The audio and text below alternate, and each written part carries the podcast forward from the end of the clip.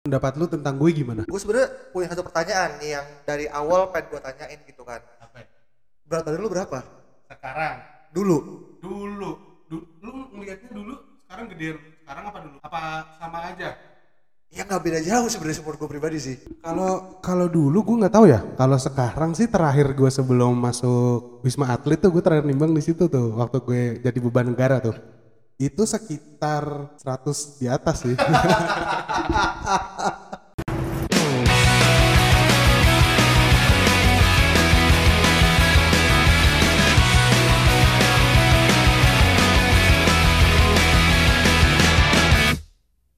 Oke, eh, kembali lagi di BMI Podcast bertahan menghadapi insecure. Di episode pertama kemarin, gua menginterview empat orang yang baru tiga di antaranya itu gue baru kenal. Nah kali ini teman gue, teman deket gue yang bernama Irfan Dia Sanjaya yang kalau di kalangan Jakarta Selatan sih track recordnya, waduh, udah nggak usah apa? wangi Iya wangi. Eh, ini kita di sini bakal ngomongin apa ya? penerimaan diri sudut pandang kita melawan stigma orang lain seperti apa kepada kita Oke, berarti sebelum ini gue tanya-tanya dulu deh. Perkenalan dulu tentang Irfan Dia Sanjaya ya. Oke, kalau gitu lu siapa sih? gua anak muda Jakarta Timur yang sering melancong ke Jakarta Selatan buat nyari coffee shop dan ke Jakarta Utara buat pacaran apalagi apalagi Apa? Terus kesibukan lu apa? Gitu. kalau gua sekarang bisa dibilang gua freelance ya karena gua nggak punya pekerjaan tetap yang formal. Dalam artian nggak harus ke kantor. nggak harus gue kerja dari rumah. Dan gue resign di saat orang-orang mungkin merasa insecure karena kalau misalkan saat pandemi dia nggak ada pekerjaan keuangan menurun gue malah justru menjadi apa antagonisnya Menentang arus ya? menentang arus. Iya. Gitu. dalam artian gue malah cabut di saat pandemi gitu. Yang mana orang tua gue sendiri pun bertanya-tanya ini kok anaknya malah bertingkah uh, tidak seperti kelayakan orang normal gitu kan. Gue malah Biasa iya tapi gue ngerasa kayak mungkin orang tua orang tua gue melihat kayak lah misalkan nanti nggak kerja gue udah buat uang dari mana? gitu kan. Minta orang tua dong. Bisa jadi. oke, oke. gue banget tuh. Terus terus terus. Apa ya? Gue juga main podcast Ah. tapi uh, sebutin dong. Eh, itu namanya podcast nama SPOK itu abbreviation dari sudut pandang orang ketiga karena kita bertiga dan kita sebagai pihak eksternal yang hobinya mengomentari hal-hal di luar dari diri kita aja kayak gitu sih Ban ya lebih kepada gibah difasilitasi oleh platform aja sih oke Kita itu awal kenal berawal dari dibawa temen ya. di bawah teman dibungkus Oke, dibungkus nih ya. Ya. Eh, Habis itu itu di pavilion ya. Iya iya pavilion pavilion benar Itu waktu acara Poetry Night. iya baca puisi dan juga diseringi mabuk kali Itu gua sih yang bawa sih. Itu gua sih yang mulai. A- awal awal sebelum gua datang kayaknya pada kalem-kalem aja gitu. Terus gue dibawa sama Mine. Tiba-tiba gua ngide buat bikin apa beli abidin. Beli abidin langsung tuh. Gue taruh di ini, wah pecah. Malam tuh langsung pecah.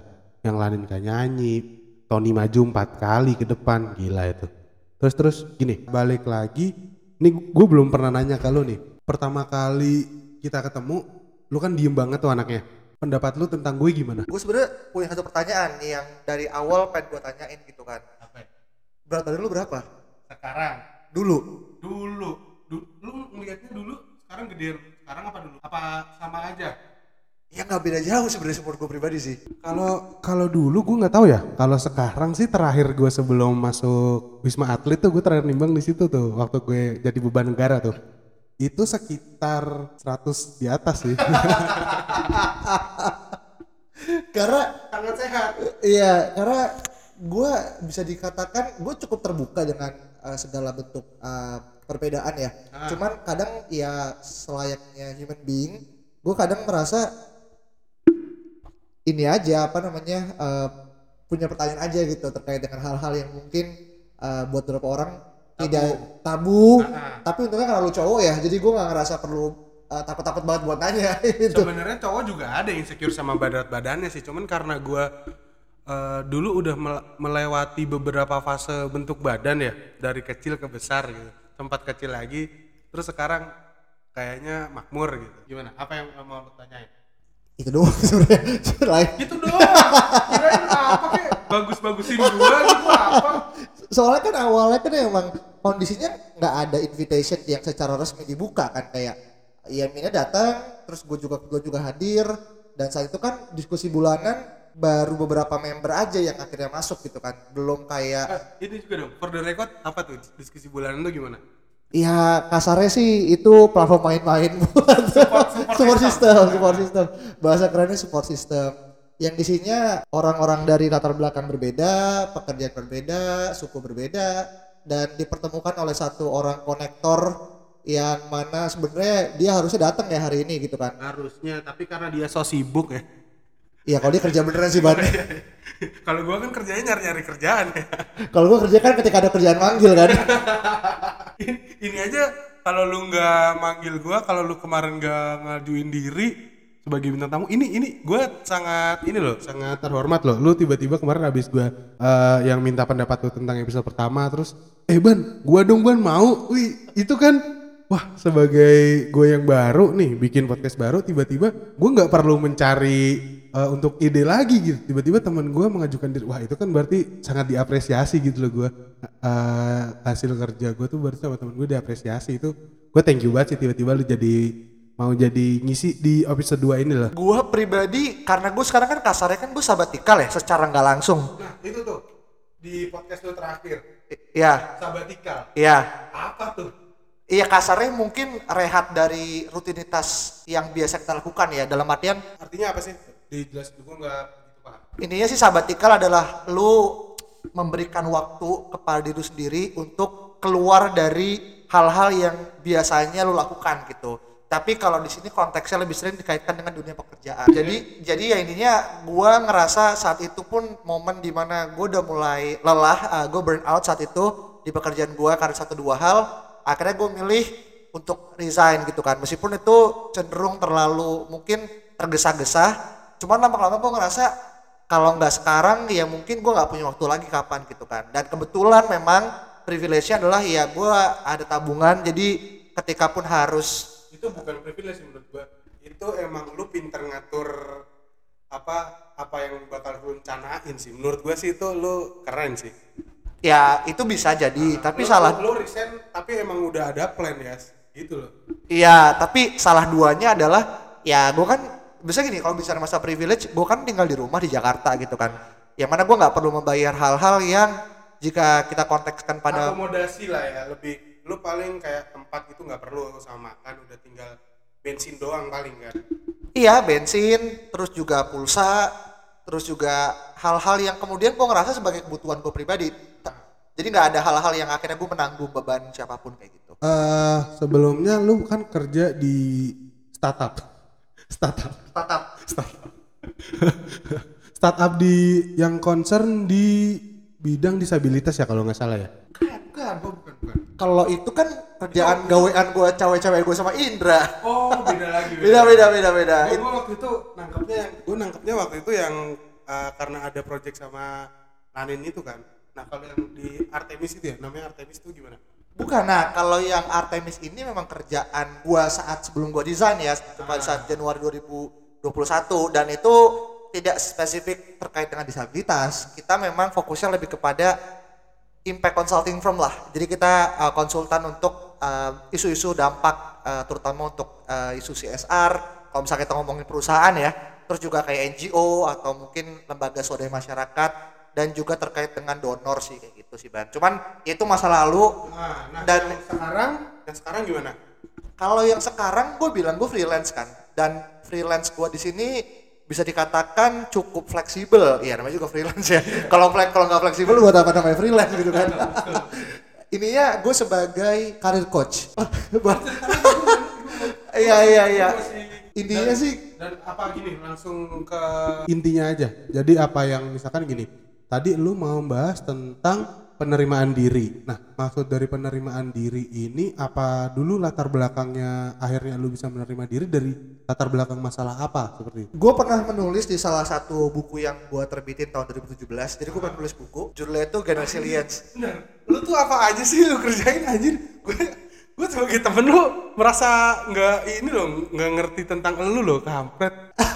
ini sebenarnya nggak nggak banyak gue cerita karena memang bukunya pun sekarang eh, udah nggak gue terbitin lagi karena itu kan sebenarnya kasarnya itu apa ya project sweet escape lah dari rutinitas gue yang mengerjakan skripsi saat itu Escape aja bikin pusing bikin buku. Gue sit escape tuh staycation ke mana main PS ini bikin buku ya Allah terus terus terus gimana? Ya dia dalam buku tersebut gue sempat menulis terkait dengan perubahan yang gue alami dalam diri gue pribadi. Salah satunya adalah bagaimana eh, orang yang mungkin melihat gue saat ini dalam artian mereka yang kemudian ngikutin gue di sosial media atau kenal gue secara personal profesional mungkin tidak akan pernah paham terkait dengan bagaimana sebenarnya gue yang sekarang tuh cukup dikatakan berbeda dibandingkan gue yang saat eh, zaman SMP SMA lah seperti itu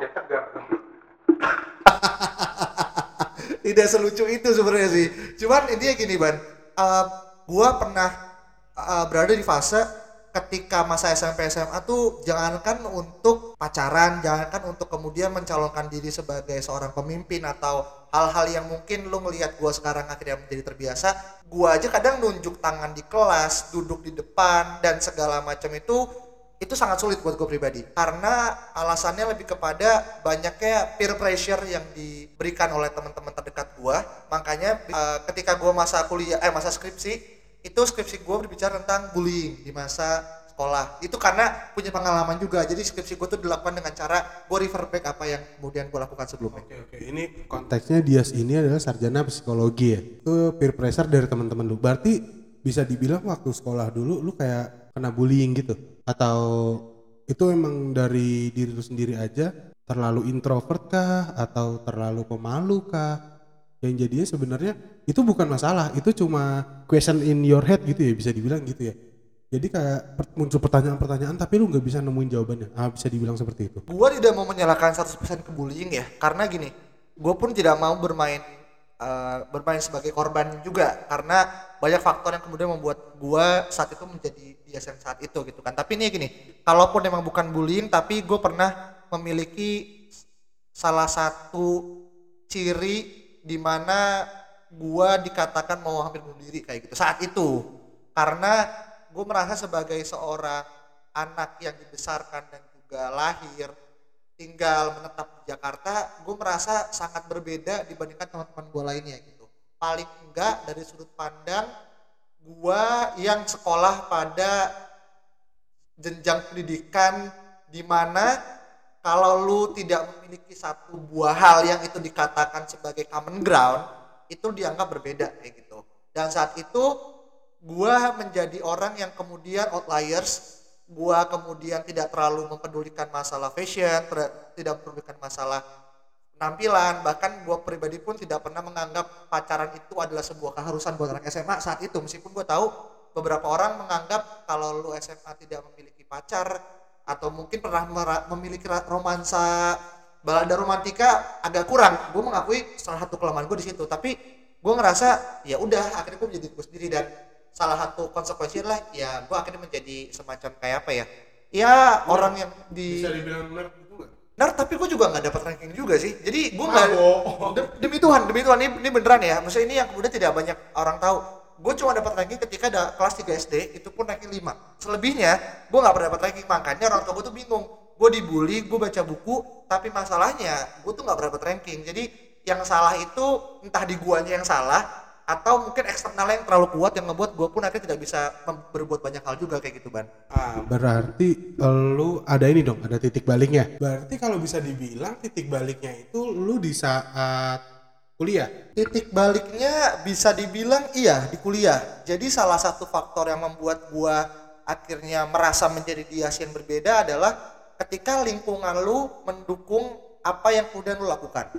Yang di sini adalah gua ngerasa ketika masa gue SMP SMA, lingkungan gua tidak terlalu bisa memberikan ruang yang inklusif buat gua mengekspresikan diri gua sebagaimana gua inginkan kayak gitu. Dalam artinya gini, ya orang pasti berbuat salah, orang pasti melakukan satu dua hal yang kemudian lu perlu belajar lagi untuk kemudian menjadi seorang master gitu kan. Dan itu menurut gue wajar karena setiap orang pun akhirnya datang dari titik yang nol gitu kan. Tapi ketika lu berbuat salah dan kemudian langsung dijudge dia berikan kesempatan kedua segala macam menurut gue terlalu naif untuk kita mengatakan dia nggak punya masa depan kayak gitu.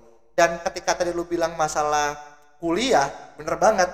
Tapi ada satu momen yang mana sebenarnya momennya terlalu eh, berbau agama ya dan gue nggak ngeyakin ini bisa dikontekskan secara lebih spiritual lah lebih lu dapat kayak Pevni pencerahan.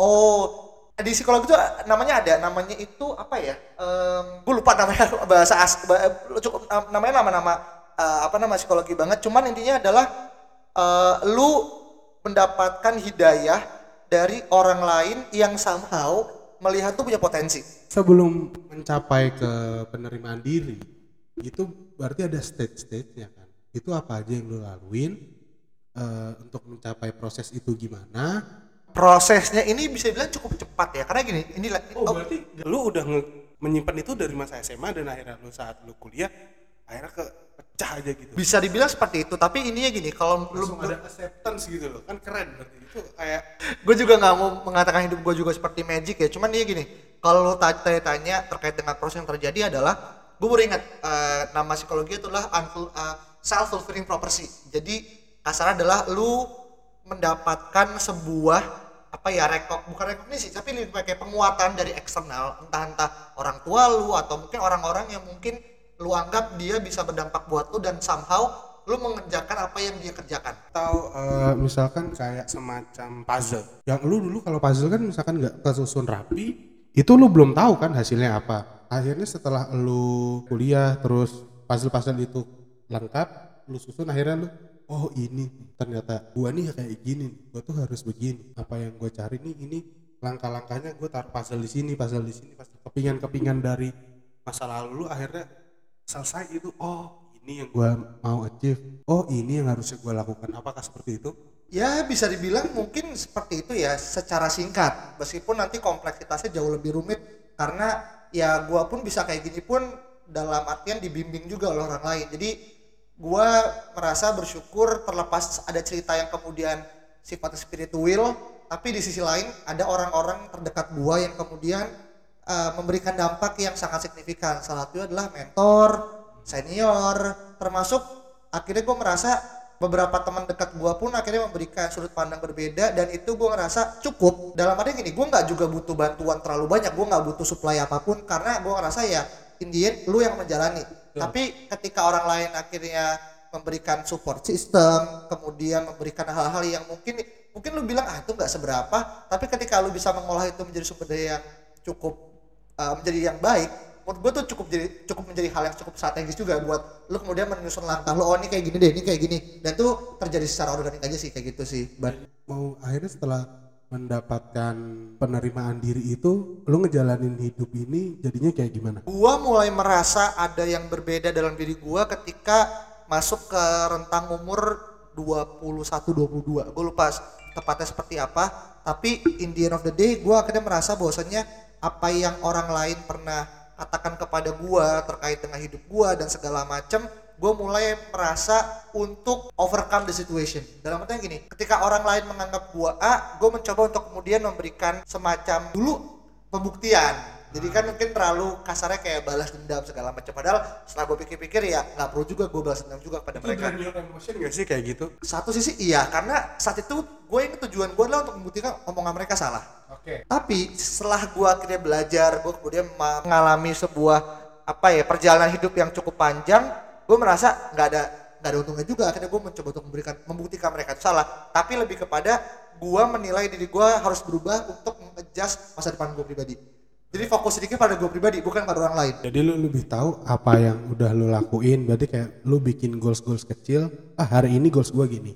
Ke depan harusnya lebih baik. Nanti goals lu tiap hari itu akan grow dengan sendirinya. Seperti itu bisa dibilang kayak gitu ya? Iya, salah satunya adalah eh, contoh kecil ada ketika kemarin gua nawarin diri untuk ban, boleh dong gue juga ikut gitu kan.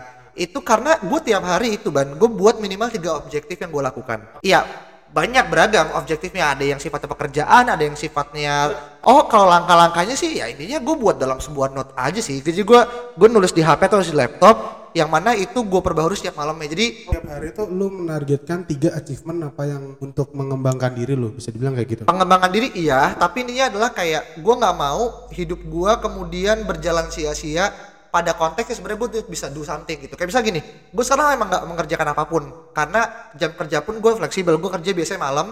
Yang mana dari mulai jam 9 gue bangun sampai jam 6 gue kemudian punya aktivitas gue bisa aja kemudian bermain PS gitu. Gue punya PS di rumah gue main PS atau mungkin gue kemudian nonton Netflix seharian penuh gitu. Tapi gue ngerasa nggak bisa dengan kayak gitu. Akhirnya gue menatap masa depan gue gue akhirnya perlu untuk kemudian mencari suatu hal. Salah satunya adalah ketika ada kesempatan yang datang dan kesempatan itu bisa memberikan network memberikan sebuah apa namanya kayak ruang untuk kemudian gue melakukan improvement ya gue ambil termasuk hal-hal yang sifatnya dengan teman terdekat dan itu kemudian gue ngerasa sebagai poin plus gue ketika gue bisa berkontribusi ya gue ambil makanya gue nawarin diri ke lo tuh karena gue punya waktu gue punya resources dan gue bisa memastikan itu bisa terjadi dengan apa yang bisa gue kontrol kayak gitu ban Gila, gila, gila.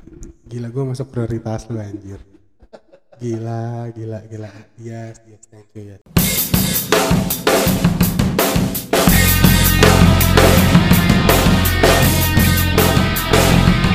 Jadi gue juga paham, eh, meskipun lu sekarang eh, kerja freelance, terus nggak ada yang ngatur, tapi lu jadi jadi bisa tahu apa yang lu mau ke depannya, apa yang lu plan ke depannya, bisa tahu apa yang lu mau. Itu ada tips-tipsnya nggak misal untuk bisa kayak gitu tuh? Kalau tipsnya, gue pribadi nggak ada hal yang sifatnya universal ya, karena tiap orang kan punya cara pandangnya berbeda-beda. Even kalau orang lain menganggap gue gimana, gue juga tidak langsung mengatakan apa yang gue lakukan tuh adalah sebenar-benarnya sebuah kebenaran gitu kan ya. Menurut gue, gue ngelakuin ini karena menurut gue tuh pas aja dengan cara gue kemudian menjalani hidup gitu. Tapi ini ya gini sih, kayak gue selalu ditekanin dari kecil, terlepas kemudian gue mengalami masa yang sulit, uh, self discipline is a must gitu. Maksudnya gini, ketika lu kemudian disiplin terhadap diri lu pribadi dalam konteks yang sangat-sangat kecil, misalkan kayak lu bangun, lu melakukan hal-hal yang mungkin ah masa sih sekecil ini perlu hal-hal yang teratur, misal hal-hal yang kemudian dilakukan secara rutin gitu kan. Gue pribadi melakukan itu. Jadi uh, gue terbiasa untuk kemudian membuat sebuah sistem dalam hidup gue yang mana harapannya sistem itu kalau ketika memang gue butuh itu bisa berjalan secara autopilot. Jadi kayak misalkan gini nih, uh, lu bekerja gitu kan, tapi lu juga punya pekerjaan yang lain. Nah di pekerjaan lain itu sebenarnya tuh hal yang lu harapkan tidak memerlukan resource yang banyak untuk mengerjakan hal tersebut. Nah, gua mencoba untuk mem, mem- apa ya? Mengefisienkan. Ya bahasanya membuat itu jauh di- jadi lebih mudah. Ketika jadi ketika gue perlu itu, gue nggak perlu memerlukan effort sebanyak ketika memang gue mempelajari hal yang baru. Tapi hasilnya dapat bisa lebih maksimal gitu. sama-sama maksimal. Pernah suatu ketika eh, kemarin hari Sabtu sebenarnya ban itu gua ngisi acara tiga kali webinar, terus juga gua sebagai pembicara, sebagai moderator dan juga ada coaching juga itu dilakukan dalam kurun waktu 24 jam. Dan orang-orang kemudian ibu ibu gue ibu gue bilang kayak itu kamu bisa nggak membagi waktunya gitu. Terus gue bilang waktu sih nggak ada masalah karena timelinenya tuh sesuai dengan apa yang kemudian udah gue buat gitu. Jadi gue menggunakan ya Google Calendar untuk kemudian melihat oh ini waktu pas dan segala macam.